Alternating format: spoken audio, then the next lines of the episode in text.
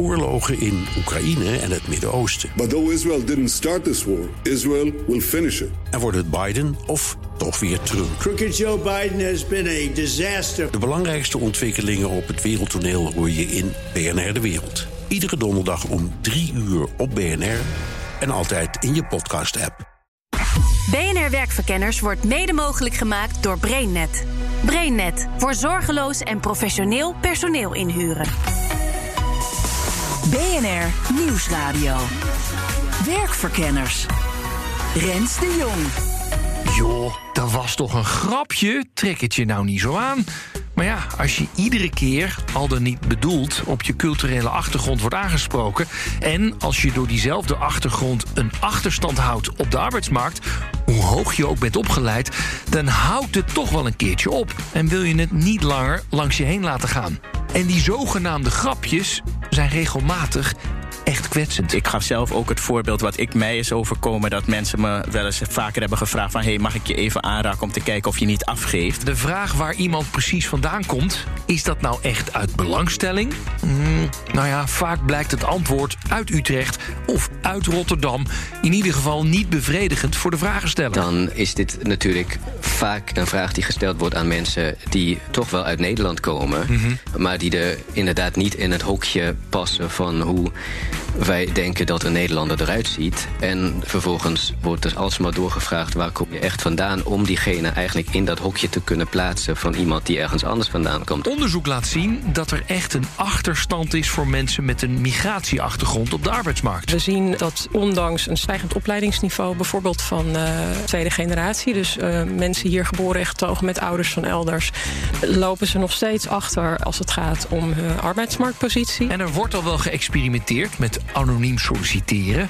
Maar ja, doen alsof iedereen er precies hetzelfde uitziet... doen alsof er geen verschil is, is ook het antwoord niet. We moeten sowieso niet toe naar een soort kleurenblindheid... die vaak wordt, wordt benoemd. Precies, ja. Uh, want dat bestaat uh, sowieso niet. En daar, als iemand zegt, ik ben kleurenblind... Dan, dan denk ik, nou, daar heb je nog wel wat werk te doen... want uh, dat, dat is niemand. Zijn er dan pasklare antwoorden? Zodat iedereen gelijke kansen krijgt. En waarmee werkgevers de ideale veilige werkomgeving kunnen creëren. Als ik die zou hebben, denk ik dat ik gewoon uh, misschien niet meer aan de universiteit zou werken, maar voor mezelf zou beginnen. Ja, is, ja, is dit ja, zo? Ik denk dat het heel, ik denk dat het vaak echt maatwerk is. En dat ja. is wel zo'n vervelend antwoord. Maar voor dat maatwerk heeft deze onderzoeker straks nog wel wat suggesties. En op maatwerk zal het inderdaad wel neerkomen, juist omdat iedereen anders is. En die verschillen zullen we altijd wel blijven opmerken. Ik denk dat we altijd wel iets van, ja, ik weet niet of je het nou per se racisme en discriminatie moet noemen, maar wel een bepaalde mate van dat we elkaar steeds met elkaar gaan vergelijken. Ja. En dat zal denk ik altijd wel blijven. Maar als we elkaar nou leren om daar wat gemakkelijker mee om te gaan, dan denk ik dat het hopelijk een betere wereld wordt. Maar ik bedoel. Je hebt er niet heel veel hoop dat het heel snel gaat worden. Oh nee, zeker niet. Werkverkenners. In deze uitzending willen we een idee krijgen van racisme en discriminatie op de werkvloer. Hoe vaak komt het voor, maar ook hoe komt het voor? Ja, kijk, natuurlijk bij het bot uitschelden hebben de meeste mensen wel door dat dat niet helemaal door de beugel kan. Maar het gebeurt regelmatig ook best subtiel. Misschien zelfs wel zo subtiel dat de aanstichter zelf niet in de gaten heeft dat hij een ander kwetst. Mijn naam is Gregor Wals. Ik werk als socioloog bij Verwonderzoek. Dat is een klein onderzoeksbureau in Den Haag.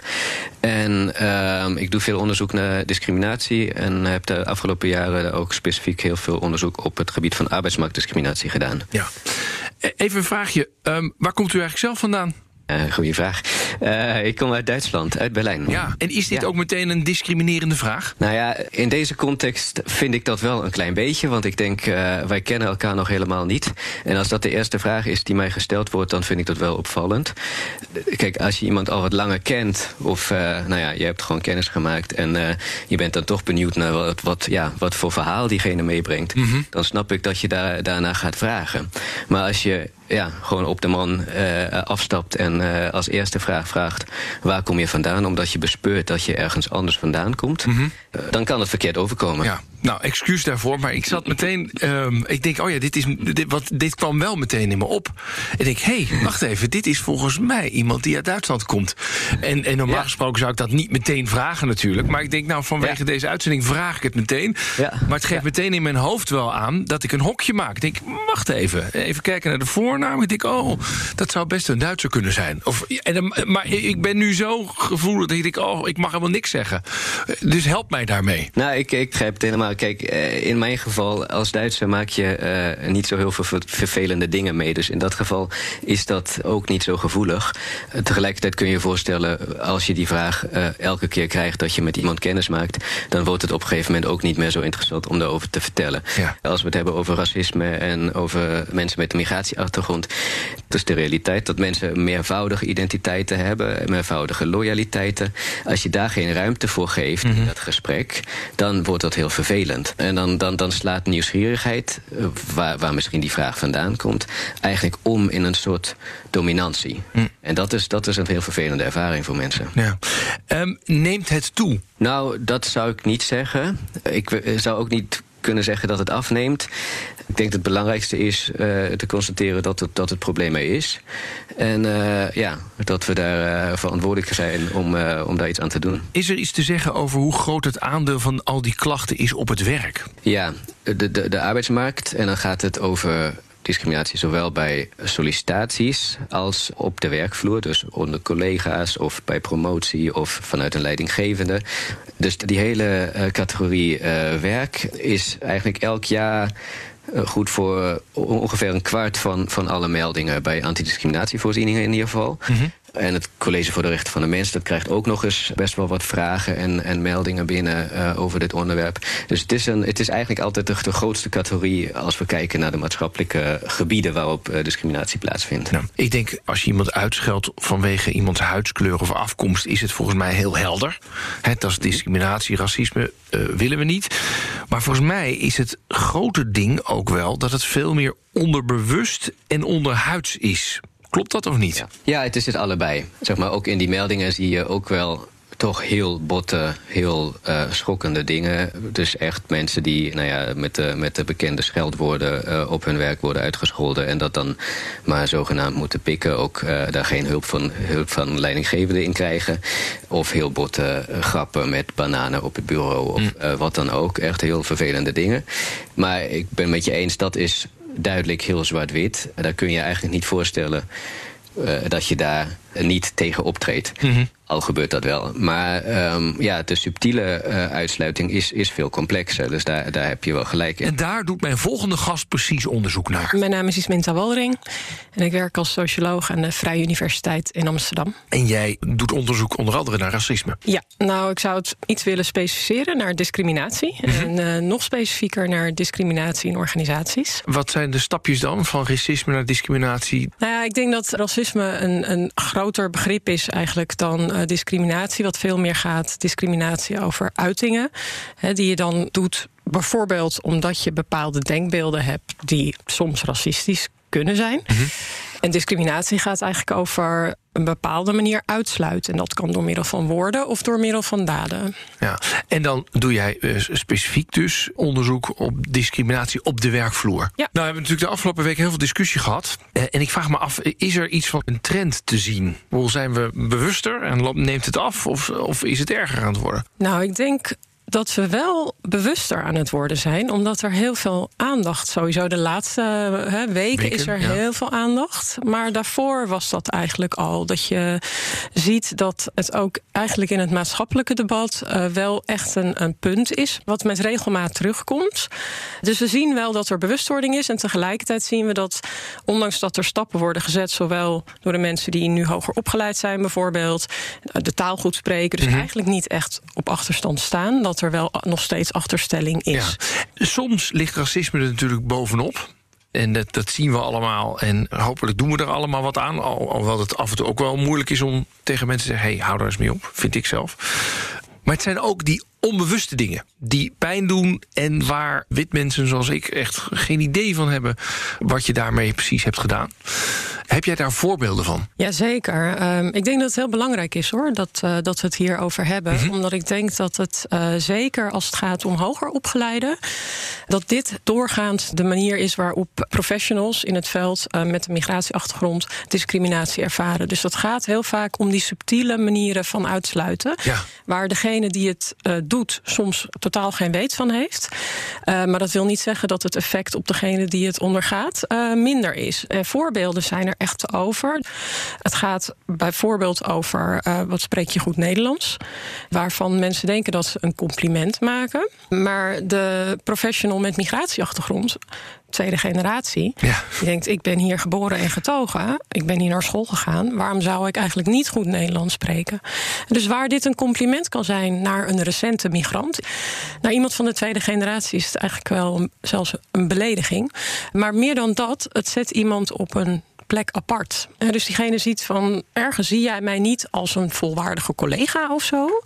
Een ander voorbeeld is dat met name deze tweede generatie met Turks-Marokkaanse achtergrond, omdat ze vaak ook islamitisch zijn, opmerkingen krijgen of vragen krijgen als er bijvoorbeeld een terroristische aanslag is geweest. Van ja, waarom doen die mensen dat nou? En dat is echt heel erg ingewikkeld. Want er wordt dus verondersteld dat jij dan een van hen bent. Mhm. Op basis van één aspect van je identiteit. Waarbij je ook nog zou moeten begrijpen waarom mensen dat doen. En dat zet je ook weer eigenlijk helemaal apart. En daarnaast zit er natuurlijk een oordeel in. Terence Gaimo werkt al een aantal jaar hard aan de bewustwording bij bedrijven van het potentieel van een diversere werkvloer. Terence Gaimo inderdaad, verantwoordelijk voor diversiteit en inclusie binnen PwC Nederland. En wat dat eigenlijk inhoudt is dat ik uh, vooral verantwoordelijk ben voor het uh, opstellen van het beleid en het adviseren van de Raad van Bestuur. Mhm. Daarnaast ben ik uh, voorzitter van het Agora-netwerk. En dat is een netwerk voor culturele diversiteit. En wat we daar proberen is met allerlei grote organisaties die daarbij zijn aangesloten, ervoor te zorgen dat de diversiteit op het gebied van cultureel ja, vergroot wordt. Mhm. En dat we meer bewustzijn daarin creëren. En dat we er ook voor zorgen dat de doorstroom naar de top bevorderd wordt. Ja, je, je werkt daar ruim vijf jaar aan. Het is nog steeds nodig. dat klopt. Het is helaas nog steeds nodig. Je ziet dat sommige organisaties er wel al wat mee doen. Maar heel eerlijk, nog maar mondjesmaat. Mhm. En vooral het stuk culturele diversiteit bedoel ik dan. Hè? Want ik denk dat heel veel organisaties al wat meer inzicht hebben gekregen op het gebied van genderdiversiteit. Tegelijkertijd zie je, nou, daar zijn we al veel langer mee bezig. Um, maar ook daar zijn de resultaten nog steeds teleurstellend. Uh, niet zo heel lang geleden heeft de SER een, een advies uitgebracht richting de ministeries. En waarbij ze echt om een, een, een soort quotum eigenlijk uh, vragen op het gebied van vrouwen in de top. Nou, op het gebied van culturele diversiteit zijn we daar dus totaal nog niet. Hm. En zou ik echt heel veel organisaties willen oproepen om gender en culturele diversiteit samen te nemen omdat mensen denk ik echt onderschatten dat wat de meerwaarde ook is van die culturele diversiteit. En uiteindelijk heb je natuurlijk nog veel meer diversiteitsgroepen. Dus het liefst heb ik dat ze dus vooral bezig gaan met die inclusieve cultuur. Ja, vandaag gaat het over discriminatie en racisme op de werkvloer. En dan vooral ook dat gedeelte waar je zo vaak van zegt: Oh, dat had ik niet zo bedoeld. Oh, nou ja. Of uh, oh, uh, kan je dan niet tegen een grapje? Was maar een grapje. Et cetera, dat gedeelte. Is dat ook gedeelte van jouw baan om daar tegenop te treden? Nou, wat eigenlijk wel heel bijzonder is van de afgelopen weken. Ik denk dat ik voor de demonstraties begonnen racisme en discriminatie een beetje verboden woorden waren. Want voor mijn gevoel waren het sneller woorden die neigden naar een soort slachtofferrol. En eigenlijk wat je daarmee doet, is iets wat heel belangrijk is, een beetje proberen weg te stoppen. En daarmee los je het probleem al helemaal niet op. Mm -hmm. Dus een van de uitspraken die ik de laatste weken ook veel gebruik, geïnspireerd door uh, de global CEO van PwC, is dat we meer comfortabel moeten worden met het oncomfortabel zijn. Dus wat, wat bedoelt hij daar dan mee? Ja, is namelijk dat we het gesprek hier echt over moeten aangaan. Dus al die oncomfortabele dingen waar we niet zo makkelijk over in gesprek kunnen, om daar nu dus juist met elkaar over te gaan praten. Dus ik ben in die afgelopen drie weken heb ik me ook echt ingezet om dit op de agenda te zetten mm. en met elkaar dit gesprek ook aan te gaan.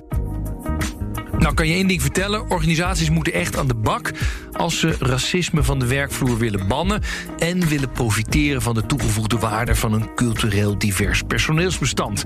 En natuurlijk begint dat van boven. De voorzitter gaat uh, voor natuurlijk, want daar geloof ik heel erg in. Dat het leadership de toon zet en laat zien hoe belangrijk dit onderwerp is. Want ik denk dat we heel vaak op papier al een heleboel dingen goed hebben geregeld. Maar hoe krijgen we het van dat papier af? Ja, hoe hij dat voor zich ziet, hoor je zo meteen. Rens de Jong. Eerst wil ik verder door met die subtielere vormen van discriminatie en racisme. Want er kwamen al wat voorbeelden langs. Hoe kun je zelf bewuster worden van hoe een grap of een vraag overkomt? En als jij degene bent die het ondergaat, hoe kun je dan de ander laten weten: hé, hey, je gaat de grens over? Terence Gaimo vertelde aan het begin dat mensen hem wel vroegen of ze hem mochten aanraken. Om te kijken of hij afgaf. Hoe reageerde hij eigenlijk daarop? Dat is misschien nog het meest pijnlijke. Tot drie weken geleden lachte ik het eigenlijk een beetje weg. Want ook ik vond het lastig om die confrontatie aan te gaan. Want het lastige is, het moment, en dat maakt dit zo oncomfortabel. even voor mij. Je gaat dan niet zeggen, doe even normaal, man. Dat heb ik, om eerlijk te zijn, de afgelopen jaren niet gedaan, nee. nee. En waarom is dat dan? Omdat je je toch onzeker daarin voelt? Of dat je... Het gevoel dat ik de ander daarmee... Eigenlijk gaat het veel meer over mezelf. Het gaat veel meer erover dat ik oncomfortabel word. Want als dit gesprek aangaan, roept het emoties bij me op. En ik weet even niet goed hoe snel en hoe fel ik daarop ga reageren. Dus ik probeer mezelf ook ergens een beetje te beschermen. Maar wat ik nu deze drie weken eigenlijk heb gemerkt, is hoe effectief het is als je juist vanuit je hart spreekt en je echt laat horen over wat dit met je doet. Het is natuurlijk wel, als je dus daar veel bewuster van bent en dat duidelijker zegt, ook een beetje de escalatie opzoeken. Dan kan het ook wel weer op een of andere manier vervelender uit de hand gaan lopen. Ja. Wat je eigenlijk jarenlang probeert te voorkomen door het weg te lachen en et cetera. Merk je dat dan ook of niet? En hier komt dus dat comfortabel worden met dat oncomfortabele weer terug. Echt, ik merk dat die zin kan je constant terug blijven halen. Want we gaan het niet aan omdat we inderdaad bang zijn. Oeh, dit zou wel eens tot een soort van confrontatie kunnen komen. Maar volgens mij is de basis vooral dat we het aan moeten gaan. Want alles wat je daarin niet aangaat, dat laat je gewoon eigenlijk ontstaan. En laat je gewoon doorgroeien. En juist door dit met elkaar te bespreken, gaan we ervoor zorgen dat we snappen hoe we ermee om moeten gaan. Dat we ook snappen hoe we het bedoelen. Want wat ik eerder al zei, het voelt heel snel alsof je dus daar een soort van op wordt aangevallen. En als we veel meer gaan uitleggen dat het niet gaat over jouw intenties. Want echt, ik twijfelde niet aan dat jouw intenties goed waren. Maar jij dacht dat het misschien wel grappig was. Of jij dacht dat het wel even kon.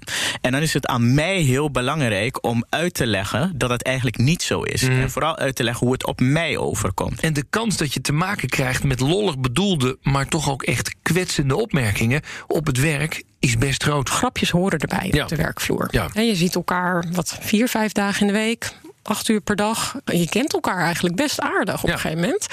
En dan merk je dat mensen. De humor hoort bij organisaties. En dat is ook prima. Maar er zijn ook grapjes en die zijn wel degelijk of racistisch of uh, hebben uitsluitende aspecten in zich. En die tweede generatie komt dat heel erg veel tegen. Mm een voorbeeld is van uh, tweede generatie Turkse Nederlander. Die, uh, hij is advocaat en echt hoog in, in een firma. En hij was notabene op wintersport geweest. Misschien ook niet de meest voor de hand liggende associatie die we hebben. Komt terug en had de hele nacht gereden om s ochtends bij een overleg te zijn. En hij komt de kamer in en daar zitten allemaal al mensen. En de eerste vraag die er wordt gezegd is... hé, hey, mijn auto is gestolen, weet jij waar die is? Ja, daar sta je dan. Maar dit, maar dit vind ik niet eens een onderhuidschapje. Dit nee, nee, dit is best wel open. Latent racism, ja, ja, Maar het punt is het, is, het is een grapje. En de angel zit er maar in dat... ondanks dat het best wel inderdaad aan het oppervlak ligt... op het moment dat jij daar boos over wordt... dan ben je eigenlijk een beetje zuurder persoon die geen humor heeft of niet tegen een geintje kan. Dus het schild van humor is heel erg sterk uh, voor degene die de grap maakt. Die is eigenlijk heel erg beschermd door het schild van... ja, maar je moet toch tegen een geintje kunnen? Mm Ik bedoel er niks mee. Ik bedoel, je bent hier notabene hoog op in de organisatie. Kijk eens waar je gekomen bent. Dus ja, dus toch niet racistisch? En ik neem eigenlijk altijd de grapjes als voorbeeld... omdat daar echt het venijn zit van... dat je iemand eigenlijk de middelen ontneemt om te reageren. Ik wil het even hebben over het aanspreken. En om er bewust van te zijn, ook af en toe zeggen tot hier en niet verder. Ik begreep dat jij een voorbeeld hebt van twee verpleegkundigen... waarvan één er een migratieachtergrond had. Dat was in een Amsterdam ziekenhuis. Twee verpleegkundigen die uh, ronde deden langs patiënten. Waarbij één patiënt aangaf dat hij niet geholpen wilde worden... door de verpleegkundige met migratieachtergrond. En hij was heel openlijk racistisch. En de verpleegkundige zonder migratieachtergrond heeft dat heel hoog opgenomen. En daar echt heel openlijk stelling genomen tegen de patiënt. En gezegd van nou, als u niet uh, behandeld wil worden door mijn collega, dan gaan wij nu weg. Want dan wordt u gewoon niet behandeld. Nou, dat was natuurlijk een heel erg strakke en sterke interventie. En na afloop, en dat waren twee collega's die echt wel lang met elkaar werkten, goede uh, onderlinge relatie hadden gaf de dame met migratieachtergrond aan dat ze het eigenlijk heel erg vervelend had gevonden. Dat meen je niet? Ja, dat meen ik wel. Want uh, zij zei van ik wilde daar niet zoveel aandacht aan geven. Ik had die man sowieso wel geholpen. En hij had misschien nog wat gemopperd. Maar het werd een ding op dat moment. En inderdaad, dat meen je niet, want je denkt aan alles, Ja, hè, aan dit alle- voorbeeld van boxen, eh, ja, hartstikke helemaal goed. goed, Ja. gedaan. Maar in dat geval pakte dat dus. eh, ze hebben het er wel over gehad. En die mevrouw heeft ook uitgelegd met migratieachtergrond, die dame, van waarom ze dat dus niet prettig vond. En het mooie eigenlijk aan die situatie, behalve dat het natuurlijk niet uitpakte zoals eh, was gepland, is wel dat er een gesprek was tussen beiden. En dat daardoor ook duidelijk werd van hè, waar handel je nu, waar niet, waar, waar check je misschien eerst bij de ander. Terwijl je sommige dingen doe je ook omdat je zo boos bent, eh, komt het er gewoon uit. En wat het nog ingewikkelder maakt, is dat er ook genoeg voorbeelden zijn waarbij in een soortgelijke situatie de collega met migratieachtergrond juist ontzettend blij is dat iemand anders die interventie pleegt. En ik denk dat daar ook een beetje de spanning zit van er is niet een soort mal die je kan presenteren als dit is de juiste manier van handelen. Kortom, we hebben nog wel wat stappen te zetten met elkaar. Ik denk dat het in feite bij de erkenning begint dat we wel eh, voordelen hebben. Dus dat is toch iets wat, wat over de breedte genomen heel vaak ja, gezegd wordt op het moment dat, dat het over dit thema gaat. Ik ben geen racist. En dat is ook helemaal niet wat mensen eigenlijk zeggen. Mensen zeggen alleen van ja, je, je hebt beelden in je hoofd en dat hebben we allemaal. En dat is niet oké. Of dat is aan de ene kant oké dat je die beelden hebt, maar het is niet oké dat je daarna handelt. En daar moeten we wat mee. Dus het idee dat je zelf de uitzondering op de regel bent en dat je zelf inderdaad gewoon helemaal neutraal naar mensen kijkt, dat idee loslaten is een belangrijke eerste stap. Oké, maar ik zou toch wel een stap verder willen gaan, zeg maar. Ja. Omdat we voor het grootste gedeelte van de mensen die het onbedoeld eh, stomme dingen zeggen, dat die gaan nadenken: oké, dan moeten we ons gedrag aanpassen. Alleen vind ik het nog zo moeilijk om dat exact te duiden, zeg maar. Dus ik, bedoel, ik denk grapjes over geaardheid, geslacht, afkomst. Dat moet je gewoon niet meer doen. Dat denk ik wel, want meestal, meestal gaat het gewoon om eh, grapjes die, eh, die heel, heel kwetsend kunnen zijn. En ik denk ook niet dat we daar heel veel eh, mee verliezen. Stel je, je zegt iets fouts en je wordt daarop aangesproken van... joh, ik vind dat niet leuk. Ja. Wat dan? Ja, dan zou je eigenlijk moeten zeggen van... oh, excuus, dat was niet mijn eh, bedoeling, ik zal het niet meer doen. Wil je vertellen eh, hoe ik het de volgende keer beter kan doen? Maar je ziet Eh, wel dit vaak dat een- mensen in zo'n gesprek juist gaan zeggen... oh, sorry, ik bedoelde het niet zo. Ja. Is dat oké of is dat niet oké? Dat is oké. ik ben hier ook geen, geen heilige die je allemaal stempels gaat geven natuurlijk wat oké is. Maar ehm, ik bedoelde het niet zo, is geen, geen verkeerde uitspraak, want dat is inderdaad wat het is. Maar het- ik vind het wel belangrijk dat je dan zegt, oh ik zal eens luisteren naar waarom dat niet oké is en ik zal mijn gedrag daarop aanpassen.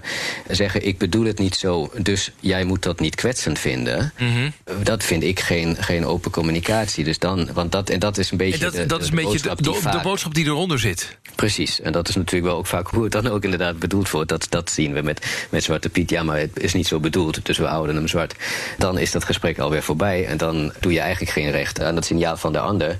Die, eh, laten we daar ook even bij stilstaan, die ook wel best wel zijn best moet doen om aan te geven eh, dat hij ergens over gekwetst is. Dat is helemaal niet makkelijk om, om zoiets aan te geven. Het makkelijkste is om al die dingen gewoon maar te laten gaan en te denken, ja, dat hoort er nou eenmaal bij. Goed, we weten dus waar we op kunnen letten... en wat we vooral wel naar elkaar luisteren... en wat we vooral niet moeten doen, defensief reageren. Maar alles staat of valt bij die veilige werkomgeving. En daar ligt een taak voor de werkgevers. En binnen teams de leidinggevende. De leidinggevende in een, in een werkzetting heeft wel natuurlijk een heel bepalende invloed op wat wel en niet geaccepteerd wordt. En als leidinggevende denk ik wel heel duidelijk dat dat tot je verantwoordelijkheid behoort om uh, in te grijpen. En niet alleen je verantwoordelijkheid, maar dat is ook gewoon wettelijk vastgelegd dat je zorgt voor een veilige werkplek.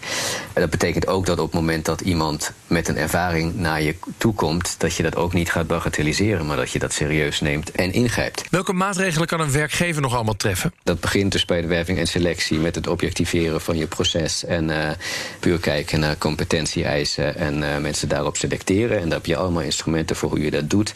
Op de werkvloer, in de organisatie, heb je overal aanknopingspunten in je personeelsbeleid, in je beoordelingsbeleid, in je trainingsbeleid waar je aspecten als inclusie en uh, interculturele communicatie terug kunt laten komen. Als ondernemer kun je gewoon dat ook heel duidelijk uitstralen. Uh, dit is mijn bedrijf en ik sta hiervoor en ik wil dat al mijn mensen dat ook gaan leven in hun werk. En dat straal ik ook uit naar buiten. Dus er zijn, er zijn talloze mogelijkheden en uh, je bent niet klaar met één aspect, maar je kunt het eigenlijk overal door je organisatie uh, terug laten komen. En dan wordt het ook iets heel, uh, iets heel leuks en iets waar iedereen eigenlijk blij van wordt. Want dat is natuurlijk belangrijk, dat je, je doet het niet voor die ene collega die anders zo zielig is, maar je doet het voor je hele organisatie die hier gewoon heel erg baat bij heeft. Omdat de een een voorval liever laat lopen en de ander wil dat er wordt opgetreden, is het best moeilijk om een concreet stappenplan voor de werkgever klaar te leggen om zo de perfecte werksfeer te creëren. Ik denk dat het enige is dat je een cultuur op de werkvloer hebt waar je dingen bespreekbaar maakt. Waarbij je fouten mag maken maar waarbij die niet worden weggemoffeld en niet worden afgedaan. Als het bedoelde het niet zo, dus het is er niet. Mm -hmm. Dus fouten maken mag, of dingen zeggen die achteraf worden gezien als onprettig of als discriminatoire. Dat kan, maar vervolgens als je daar in gesprek over kan gaan, als er veiligheid is op de werkvloer, genoeg voor alle partijen om daar dan een gesprek over te hebben, zodat je elkaar gaat begrijpen. Ik denk dat dat de manier is ja. om als organisatie te leren. Maar op dit moment wordt niet iedere poging tot zo'n gesprek met open armen ontvangen. Ik had het een keer over uh, huidskleur ondergoed en dat dat eigenlijk maar één huidskleur ja. is. Dat kan helemaal niet. Nee. Dus ik bediscussieerde dat een beetje van nou, dat moeten we ook aanpassen. Je kunt niet zeggen dat dit de huidskleur is. Er zijn zoveel huidskleuren. En daar kreeg ik direct de opmerking terug. En nu ga je echt te ver. En ik denk dan bij mezelf, dan hebben we dus nog steeds niet door hoe dat systeem eigenlijk in elkaar zit. Mm. En daarom heeft men het nu ook heel veel over dat institutioneel racisme. Hè? Het begint eigenlijk allemaal bij de basis. Uh, met welke stereotypen groei je als kind op? Hoeveel kinderboeken zijn er met donkere mensen? Um, hoeveel kinderboeken zijn er die niet zeggen uh, mama kookt, papa werkt? Dan kom je bij films. Hoe zien films eruit? 2018 is de eerste film gekomen met zwarte heroes en een volledig zwarte cast. Ja. Heeft meer dan een mil Black Panther, de Black Panther. Ja, ja, ja. Heeft meer dan een miljard opgeleverd. Maar pas in 2018. Dus hoe ver lopen we eigenlijk in dat soort opzichten achter? En hoeveel kansen laten we daarmee ook liggen? Want kijk ook wat voor een een business er eigenlijk daar ook omheen zit. Het is dus gewoon ook goed voor de zaken als je een inclusieve organisatie hebt. Uit onderzoek blijkt dat met name multinationals het op dit terrein goed doen. Dat had ermee te maken dat daar vanuit internationaal perspectief heel veel diversiteit vaak aanwezig was binnen organisaties. Dus waar zij dan terecht kwamen, daar waren zij niet echt de vreemde eend in de bijt. En daarnaast, in dergelijke bedrijven heb je heel vaak heel duidelijke en ook best streng beleid op waar je het wel en niet met elkaar op de werkvloer over hebt. En Oh ja? wat je wel en niet zegt. Oh, ja. dit is gewoon echt een lijstje van don't talk politics. En, uh, Ja. ja? Ja, en dat, daarvan kan je denken van, nou ja, oké, maar het geeft een soort rust. We hoeven het niet te hebben over dat er halal of kosher eten is in de kantine. Dat is er gewoon. Wordt er echt even neer, jongens, daar, daar gaan we gewoon niet over praten. Ja, daar Klaar. wordt niet over gepraat. Eh, er wordt niet gevraagd waar kom je eigenlijk vandaan. Wat je ziet bijvoorbeeld bij de mensen die we hebben gesproken, die bijvoorbeeld in de gemeente werken. En eigenlijk denk ik van, nou, dat is heel fijn, het is een veilige omgeving, dan ben ik ambtenaar en hè, dan ben ik ook goed beschermd. Daar worden ze dus heel vaak aangesproken op hun anders zijn. Hè. Daar wordt er heel veel ge- doorgevraagd over hun achtergrond, qua etniciteit, qua religie. En ook wel op een irritante manier. Ja, want dat kan natuurlijk ook wel weer uh, gewoon belangstellend zijn. Zeker. Het is uh, één keer vragen is belangstelling. Twee keer is misschien ben je het vergeten. Daarna wordt het irritant. Want dan denk je, daar hebben we het toch al over gehad. Waarom wil je het nu nog een keer precies hetzelfde weten? Mm -hmm. Dat was dus een omgeving waar daar veel meer ruimte is voor mensen zonder migratieachtergrond om eigenlijk dezelfde vraag keer op keer te stellen. Dus eigenlijk de hele tijd vragen van waarom ben jij anders dan, dan wij? Nou, wat weten we nu? Nee, een grapje moet niet gewoon kunnen als dat kwetsend is. Ook niet als het niet kwetsend is bedoeld. En zeggen tegen iemand die hier geboren is dat hij zo goed Nederlands spreekt, is geen compliment. En niet iedere moslim moet of kan uitleggen waarom extremisten een aanslag plegen. Nou, en kaart het aan, hè? Als je tot vervelend toe op je achtergrond wordt aangesproken. Of als die lollige opmerkingen, die er toch immers bij horen, je kwetsen. Dat is overigens makkelijker gezegd dan gedaan. Maar recht uit je hart spreken is veel effectiever dan het laten gaan of voor de ander invullen hoe jouw opmerking overkomt. En ben jij nou degene die er op wordt aangesproken, schiet dan niet meteen in de verdediging dat je het niet zo bedoelde of dat je zegt, joh, daar moet je tegen kunnen. Maar luister eens naar de argumenten waarom jouw grap toch eigenlijk behoorlijk kwetsend was. Zal ook niet makkelijk zijn. En aan de werkgever dus de taak om zo'n veilige en inclusieve cultuur te creëren dat zo'n gesprek dus wel mogelijk is. En als we daar met z'n allen in slagen, dan pakken we de kansen die we nu laten liggen. Kijk maar eens naar die film Black Panther. Die leverde miljarden op. Dit was Werkverkenners voor deze week. In je podcast-app kun je hem op ieder moment terugluisteren. En vanaf volgende week hoor je in een speciale zomerserie... de beste afleveringen van dit seizoen. En dat zijn er heel wat. Tot de volgende keer. Dag. BNR Werkverkenners wordt mede mogelijk gemaakt door BrainNet. BrainNet voor zorgeloos en professioneel personeel inhuren.